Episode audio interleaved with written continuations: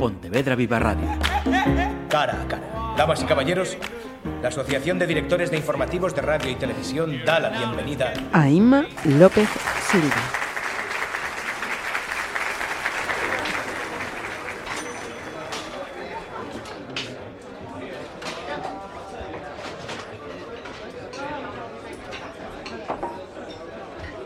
Crítica da Escola de Mulleres. 1.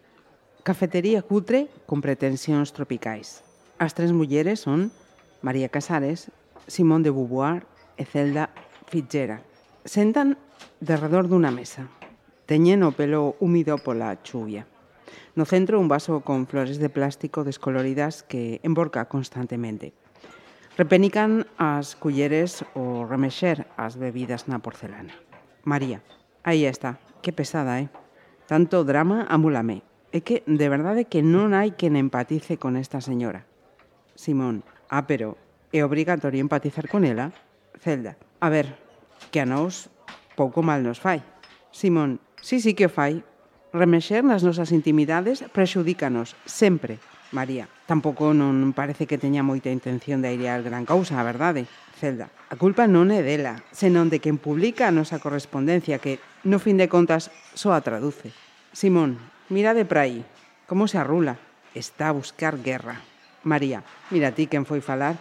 Celda, pero nosoutras a que viñemos? Simón, viñemos mirar. Celda, a pobre, mirade que cara. Veselle que non anda nada ben. María, eu diría que xa lle pasou todo o que lle tiña que pasar. Así que non sei que vai contarse agora a si mesma. Simón, tanto lamento aburreme, insisto. María, é unha eslamiada, Simón e unha burguesa. Simón falou ao comunista con maquillaxes caras e mansión. Celda xa vai polo segundo café. E aí segue, sen intención de marchar.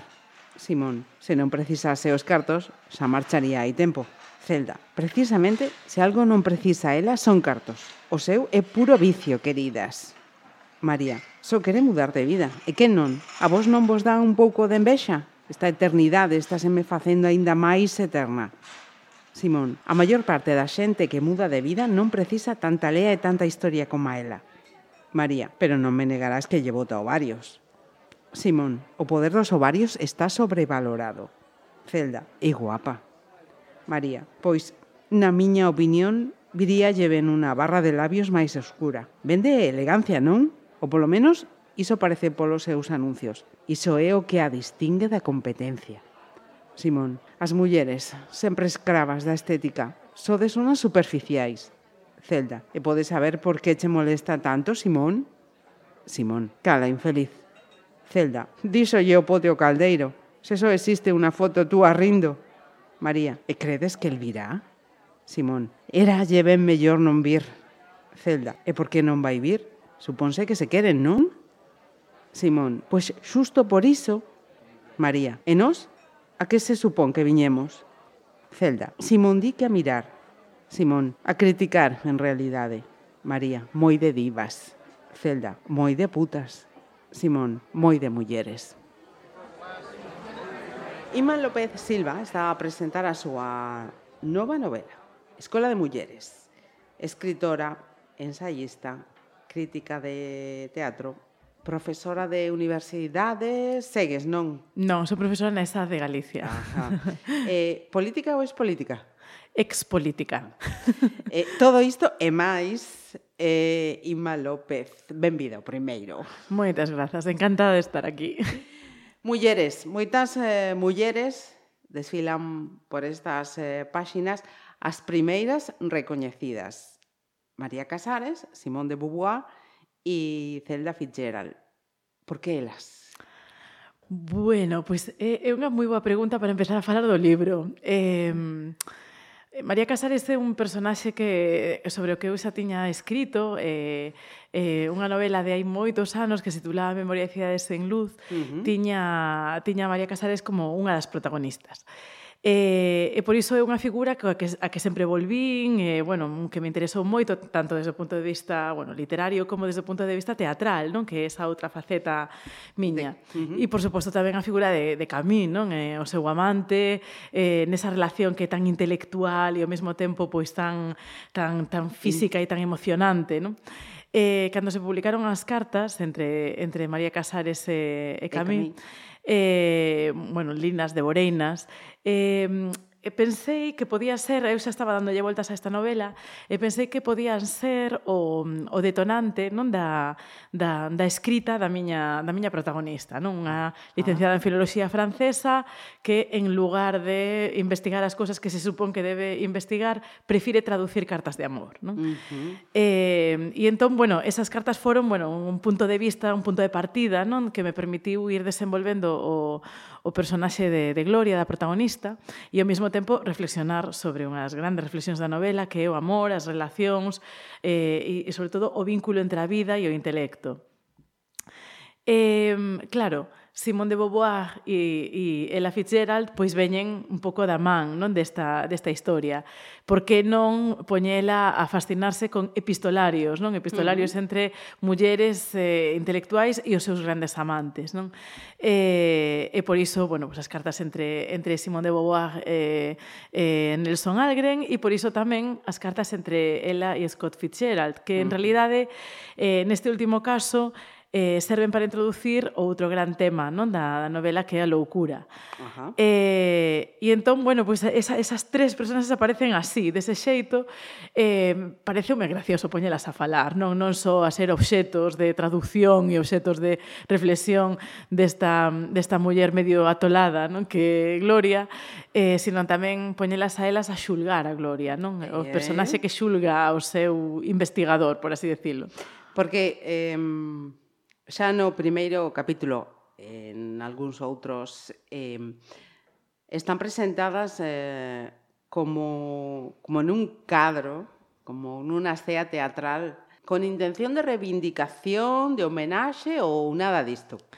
Mais ben todo. eh, elas eh, son un coro, en realidade son un coro clásico, non? Como no teatro de Sófocles. Ajá. Son eses personaxes que xulgan aos, aos heróis, non? E que, de alguna maneira, poñen o punto de vista dos, do público. Eh, poñen o punto de vista de, de persoas que están asistindo a, a vida e a, ao proceso de autodestrucción de Gloria, uh -huh. eh, máis que van a precisar xulgala en algún momento porque todo o que fai Gloria é incómodo. Gloria non é un personaxe co que se empatice facilmente, non? Uh -huh. eh, e por iso apetecíame que eses personaxes eh, xulgaran a Gloria para poñer ese punto de vista, non? Para darlle, digamos, un asideiro, non? A, a persoa que está lendo para, bueno, para facer unha reflexión sobre todo iso que, que, que ten diante de sí. Uh -huh. eh, a protagonista eh, Gloria, que, que é máis tremendo para ela? Enfrontar a vida ou a morte? Bueno, eu creo que enfrontar a vida, eh, de alguma maneira, tamén enfrontar a morte, non? O que pasa que bueno, Gloria eh, Gloria ten ten unha necesidade de, de enfrontar unha morte que non forma parte a priori da vida, non sería o lóxico, non, uh -huh. que é a morte da súa filla. Entón, iso, ese, eso que ela chama o feito, que ni siquiera se atreve a chamarlle con un, polo, seu co, nome. polo seu nome, pois en realidade é o detonante da súa loucura e do seu proceso de autodestrucción eh, e de alguna maneira tamén demostra non esa que a, que a morte forma parte da vida incluso cando non sería natural que, que o fose. Que fose. Eh, indo ás cuestións eh, que van pasando por polo libro. Uh, cantas persoas acaban vivir a vida que quixeran vivir? Pois eh, pregúntomo moitas veces, a verdade, porque mm, cada vez parece máis difícil vivir a vida que que unha quere, non? Son, uh -huh. É como que ser libre ou, ou, mm, ou facer simplemente o que a unha persoa lle gusta é cada vez máis difícil, non? Eh, eh, eh, penso que desde que, que temos redes sociais, Ainda máis, porque temos que dar unha imaxe que está permanentemente sometida ao xuízo público. Uh -huh. Non é isto exactamente o que lle pasa a Gloria, porque na, que, mm, pouco saen as redes sociais uh -huh. da miña novela, pero sí que lle pasa algo equivalente, non? Uh -huh. Que é estar nun ámbito no que a priori todo parece perfecto, un ámbito cheo de convencionalismos e de comodidades, de estatus socioeconómico, non? Nun nivel xerárquico medio alto, E, porén, eh, é unha vida moi valeira, non? É unha vida na que, cando precisamente acontece algo que te coloca na realidade, pois te decatas de que non vivías na realidade, non? E que a realidade é outra cousa na que ao mellor as túas ilusións pois son de outro tipo. E, e creo que iso de alguma maneira nos pasa a todas. Creo que creo que mm, as convencións, a hipocrisía social, eh, a idea do que, do que é bo para nós e do que non, pois require que nun momento dado, creo que, que todo o mundo fai, nun momento dado todo o mundo creo que nos paramos diante da nosa propia vida, eh, tratamos de observarnos cunha certa distancia e dicimos, bueno, isto é o que eu quero para min, isto é o que eu quería ser ou isto é o que outros querían que fose. Non? Casi está a resposta á seguinte pregunta. As, as que non o fan, as que non acadan vivir esa vida que, que quiseran, eh, é polos límites persoais ou os alleos. Ambos os dous. Queda, queda dito, sí. non? Queda dito. Outro capítulo. As malas nais. Fálase pouco ou moito delas ou é a culpa a que fala? Sí, é a culpa. Creo que a culpa nos deposi se deposita sobre as nais, non? A todas horas, desde antes de que nazan os bebés, xa temos a culpa de que vayan nacer. E, e claro, a culpa, ao final, bueno, é algo que se interioriza e, e, que, e que se converte en trauma. E, creo que, que nos últimos anos pues, o feminismo sí que fixe un exercicio interesante non na reivindicación de que unha nai é unha persoa eh, cos seus, eh, cos luces e as sombras de calquera persoa e que eh, os fillos e as fillas tamén o son, incluso cando son nenos, non? É dicir, todo o mundo ten o seu temperamento e non sempre temos que ser perfectas, non? Se nos exixe perfección ou se nos exixiu perfección en todo momento. Eh, o que pasa que neste libro, ese concepto da mala nai, eh, tentei tocalo desde un punto de vista que non é o, digamos, o, o, que máis estamos común, acostumados non? a falar. Claro, agora. estamos a, feitas a falar, bueno, pues do, das malas nais como, bueno, de esos nenos sos ou, ou, ou permítome queixarme dos meus fillos, non? Eh, pero claro, neste caso está a reflexión sobre o maltrato, non? Ou sobre a sensación de maltrato. Realmente fun boa coa miña filla, realmente estou sendo, estou eh, facendo as cousas con normalidade ou, a, ou as, as miñas, sí. os meus propios traumas, as miñas propias taras, a miña propia enfermidade está, está facendo que non sexa a boa nai que debería ser, e non por un suizo social, non? Senón pola miña propia convicción de como debe ser unha nai. Uh -huh. Eso é o que lle acontece a Gloria, non? E creo que todas as que somos nais nun momento dado cuestionamos esa esa relación cos nosos fillos, non? Porque decimos, bueno, eh, foiseme a pinza, non se me foi a pinza, estou, estou facendo ben, non? É dicir, xa sei que, que mm, por aí adiante dirán que son unha mala nai porque, porque a, lles deixo comer chuches a todas horas, non? Eso reivindico, pero ata que punto son capaz de reivindicar os meus eh, erros como, como, como nai, que son erros como persoa? Uh -huh. Eh, hai tamén eh, moito mm, que, que pensar sobre a saúde mental, mental neste libro, pero eh, co teu permiso vou a, a outra das cuestións, a uns párrafos con outra cuestión interesante. Mm, penso que estaba aquí, efectivamente. Permiso, por certo. Como se lle ocurre a unha boa muller facerse puta? Hai esa necesidade, evidentemente, necesidade non é a palabra. É só un camiño de saída a través do meu corpo. Unha ferramenta poderosa para conseguir diñeiro que non me importa usar. Hai outras mulleres que, como a min, lograron separar o seu ser do seu corpo. Moitas foron abusadas de nenas ou violadas en algún momento ou en varios das súas vidas. Esa agresión extrema aos seus corpos fixolles entender que, para seguir en adiante, precisaban ser algo distinto deses corpos feridos. Outras, nin siquiera eso. O corpo é só un corpo. O corpo non é o que eu son, senón algo que teño. Mesmo algo que me sobra, que enferma, que pesa, prescindível despois eh, do feito, en maiúsculas, en fin. Son outros, non eu, que consideran que danar o meu corpo é danarme a min, coa súa lóxica perversa de pagaren por usarme, pero ser eu quen deba sentir mal. Se ninguén llelo proíbe, se ninguén llelo proíbe, por que se supón que non podo cobrar eu polo mesmo que eles están dispostos a pagar? Debería deixalos usar o meu corpo de balde como fan as súas mulleres ou esas mulleres que xogan a ruleta do sexo libre de madrugada? Eh, denuncia o texto retórico. Eh, pues, Porque é moi explícito, é moi claro. O que sí, dice. bueno, eu creo que xusto ese, ese texto, ese parágrafo que acabas de ler, eh, resume en boa medida onde está o cerne do debate sobre a prostitución. Eh, e ademais onde o quixen colocar eu, non? Eu creo que un, un, é un tema moi complexo, eu creo que calquera persoa no seu sano xuizo, obviamente é abolicionista, non podemos estar de acordo con que con que haxa homes que pagan por, eh, por en realidad por violar a mulleres. Pero, pero hai ese outro punto de vista, non? O, o por qué? Por que se dá a prostitución? Por que unha muller eh, pode optar por ese camiño e, e sobre todo, para qué, non? Entón, eu foi aí onde o quixen situar porque, porque, porque creo que poucas veces nos permitimos ese afondamento nos matices. Non? Vivimos nunha sociedade excesivamente rápida ou nunha sociedade no que os debates políticos pasan moi, moi a xiña e a golpe de consigna. Uh -huh. eh, e creo que o, o debate da prostitución ten moitos máis matices e ten unha complexidade que é moi difícil de abordar non desde a palestra pública E, sin embargo, eh, non vou dicir que seña fácil de abordar, pero sí que a ficción nos permite eh, precisamente eh, afondar en toda esa complexidade, non? A través dun personaxe, non? Que moi neste caso Gloria, Gloria. que se pregunta uh -huh. todas esas cousas que que, con, que nas que consisten os matices non? Da, do tema da prostitución. Por iso quero poñer no punto de vista dela como muller que en realidade, sin necesitalo, unha muller que en realidade, pode, tendo acceso aos cartos, non sendo explotada por ninguén nin nada, si toma esa decisión, non? Uh -huh. eh, Claro, que clase de liberdade é esa, non? Porque claro, están tamén as, as feministas liber, liberais, non? As que din que, bueno, que cada unha debería poder facer o que quisera e tal.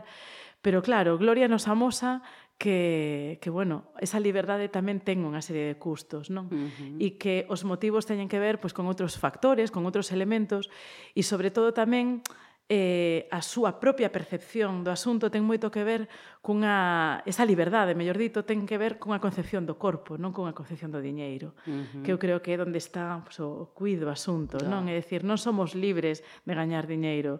En realidade somos libres eh, e ata certo punto de como nos afecta o que facemos con o noso corpo. Uh -huh. E eu creo que ese, ese é un debate que non é un debate político, é un debate que é filosófico, é un debate psicolóxico en moitos aspectos, quizáis emocional, e que sí que ten unha dimensión política na, me, na medida en que o persoal é político, non? Claro, está, e o político é persoal, non? Uh -huh. Entón, eh, me gusta que leras ese parágrafo porque sí que é un parágrafo que traballei moito desde o punto de vista ideolóxico, digamos, uh -huh. porque mm, porque creo que é moi complicado e creo que, que ás veces escoitamos pouco o que teñen que dicirnos eh, as mulleres que se prostitúen. Non? Uh -huh. eh, ningunha delas o fai porque, porque lle xenere un placer, nin porque teña esa especie de liberdade de gañar os cartos como lle petan, igual que tampouco o fai por placer unha limpadora. Non? Uh -huh. non eu creo que están moi por aí as cousas. Aí hai unha dimensión moi sutil entre a explotación e a autoexplotación, Eh, e, e claro, a gran pregunta é eh, por que ese é un diñeiro fácil, non? Hai que colocar o debate nos puteiros, hai que colocar uh -huh. o debate en, neles, non? En, nesas persoas en que facilitan que alguén que ten esa relación máis ou menos liberada do seu corpo como ten, eh, como ten esta personaxe, pois eh, poida, poida optar por algo así. Falando desta cuestión, por exemplo, hai outras máis tamén. Escola de Mulleres é unha novela que mm, que cuestiona o feminismo? non, é unha novela feminista. Eh, é unha novela que nun momento dado pode eh, cuestionar eh, determinadas opinións do feminismo, igual que é unha novela marxista que nun momento dado pode cuestionar determinadas posicións do marxismo, non? Igual uh -huh. que fixo Simón de Beauvoir, por exemplo, ou o propio Sartre. Eh, eh, Creo que el feminismo, bueno, pues como todas las eh, filosofías e como todas las ideoloxías eh, con unha componente política, ten matices, non? Por sorte, porque eso significa que se pode adaptar ao cambio dos tempos. Eh, eu creo que a apertura de determinados debates que o feminismo ni siquiera ten por que resolver, non? Que eu creo que ese eh, é o punto de vista onde se sitúa a Escola de Mulleres, non? Eh, que a exposición das preguntas, non? Uh -huh. eh, eu creo que é moito máis interesante propoñer preguntas que establecer respostas, non? Eh, e aí está o, e aí está o, o, feminismo que defende a Escola de Mulleres. Eh, despois dese, dese parágrafo que leía, hai, hai outro máis que di En cambio, si crin durante anos que eu era o mesmo que a miña carreira académica.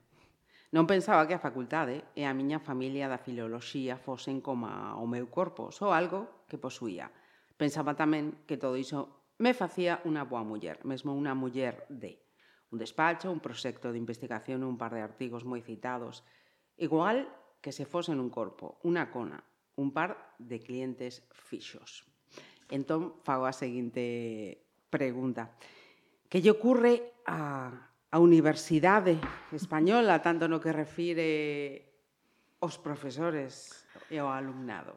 A Universidade Española é un lugar endogámico, por definición, que vive a marxe do mundo. Eh, eu creo que a universidade cumpre, está a cumprir e cada vez probablemente máis está a cumprir un, un obxectivo político en realidade supranacional eh, que ten moito que ver con co adormecemento das mentes máis intelixentes. Eh, si colocamos ás persoas máis brillantes nun espazo no que, no que todo se reduce a conseguir colocar artigos en lugares que ninguén vai ler, pero que lles van a repercutir é unha forma de compra, en realidade, non? Que lles van a repercutir non só económicamente, sino nunha cuestión de estatus e, sobre todo, de poder, uh -huh. non? De poder sobre as persoas que os rodean, pois, ao final, o que, o que se consegue eh, é que non fagan política e que non actúen na sociedade, porque, efectivamente, o que se logrou é que esas mentes máis intelixentes estean ocupadas noutra cousa, non? eu creo que de alguma maneira é contra o que se revela Gloria, non? O que pasa é que Gloria vai ao seu porque ten outras prioridades, ten outros soños que cumprir, non? Quizáis, quizáis ao final, eh, cando un está nesa situación, ten dúas opcións. Ou optar por unha especie de liberdade de, de compromiso social, ou optar por saírse dunha sociedade na, na que unha non cree o que considera aínda peor, non? Que, mm -hmm. que o seu mm. propio espazo. E iso é o que lle acontece a ela, non? porque obviamente no momento en que unha persoa como Gloria, non, que é profesora, contratada doutora, casada con un xenio da teoría literaria, con a vida acomodada, eh, con amante que vai ser rector, etc., eh, dá un paso atrás e ve que todo iso non ten sentido ningún, uh -huh. pois o que lle queda é cumprir o seu soño. E o seu soño é algo tan fermoso e ao mesmo tempo simple, como... pero difícil de conseguir como ter unha libraría. Uh -huh. Eh, para, para, ir rematando, um, Iman López Silva um, escribe barra vende libros ou literatura? eh, a min gustaríame vender moitos libros. pero os meus editores... O faz, ten entendido que faz. sí, pero non, o que eu escribo non se pode considerar nese concepto do comercial e do que vende libros realmente, non? Que, que a min personalmente me parece maravilloso porque consegue lectores eh, de todo tipo. Os meus editores din que eu son unha escritora que eles chaman, a, mí, a primeira vez que oí me pareceu fascinante, literaria. Eu dicía, pero pensa que todos facíamos literatura. E dicían, non, hai cousas máis literarias, non? O cal é sinónimo de vender pouco e ser difícil. non é o caso. Está claro que non é o caso. Eu creo que este libro se hai, lee ben. Sí, se lee perfectamente, además hai hai moitos eh, trasfondos, moitos eh, debates, moitos momentos de repousar eso que acabas de, de, de ler e parar a pensar, que no, uh -huh. que no ocorre moitas veces.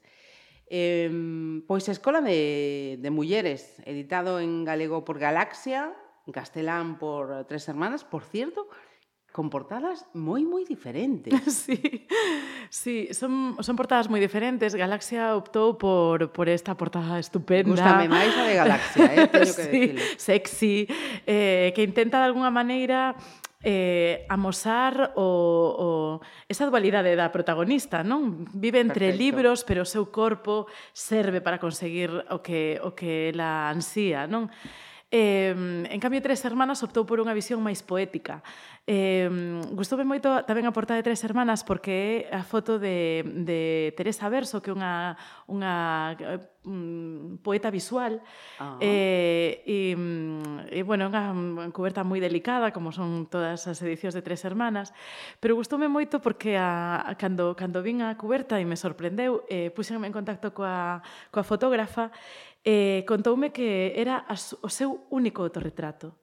Ah. E que, e que lle apeteceu poñer un autorretrato, non? O seu autorretrato na, na cuberta deste libro.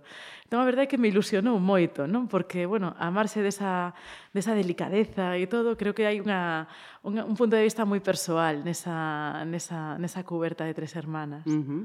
Veis, un, un dato descoñecía e que acaba de compartir eh, con nos Ima, De verdad, moitísimas eh, grazas. Grazas a ti. Eh, moita moitos libros e moita literatura máis por diante. Eu creo que sí.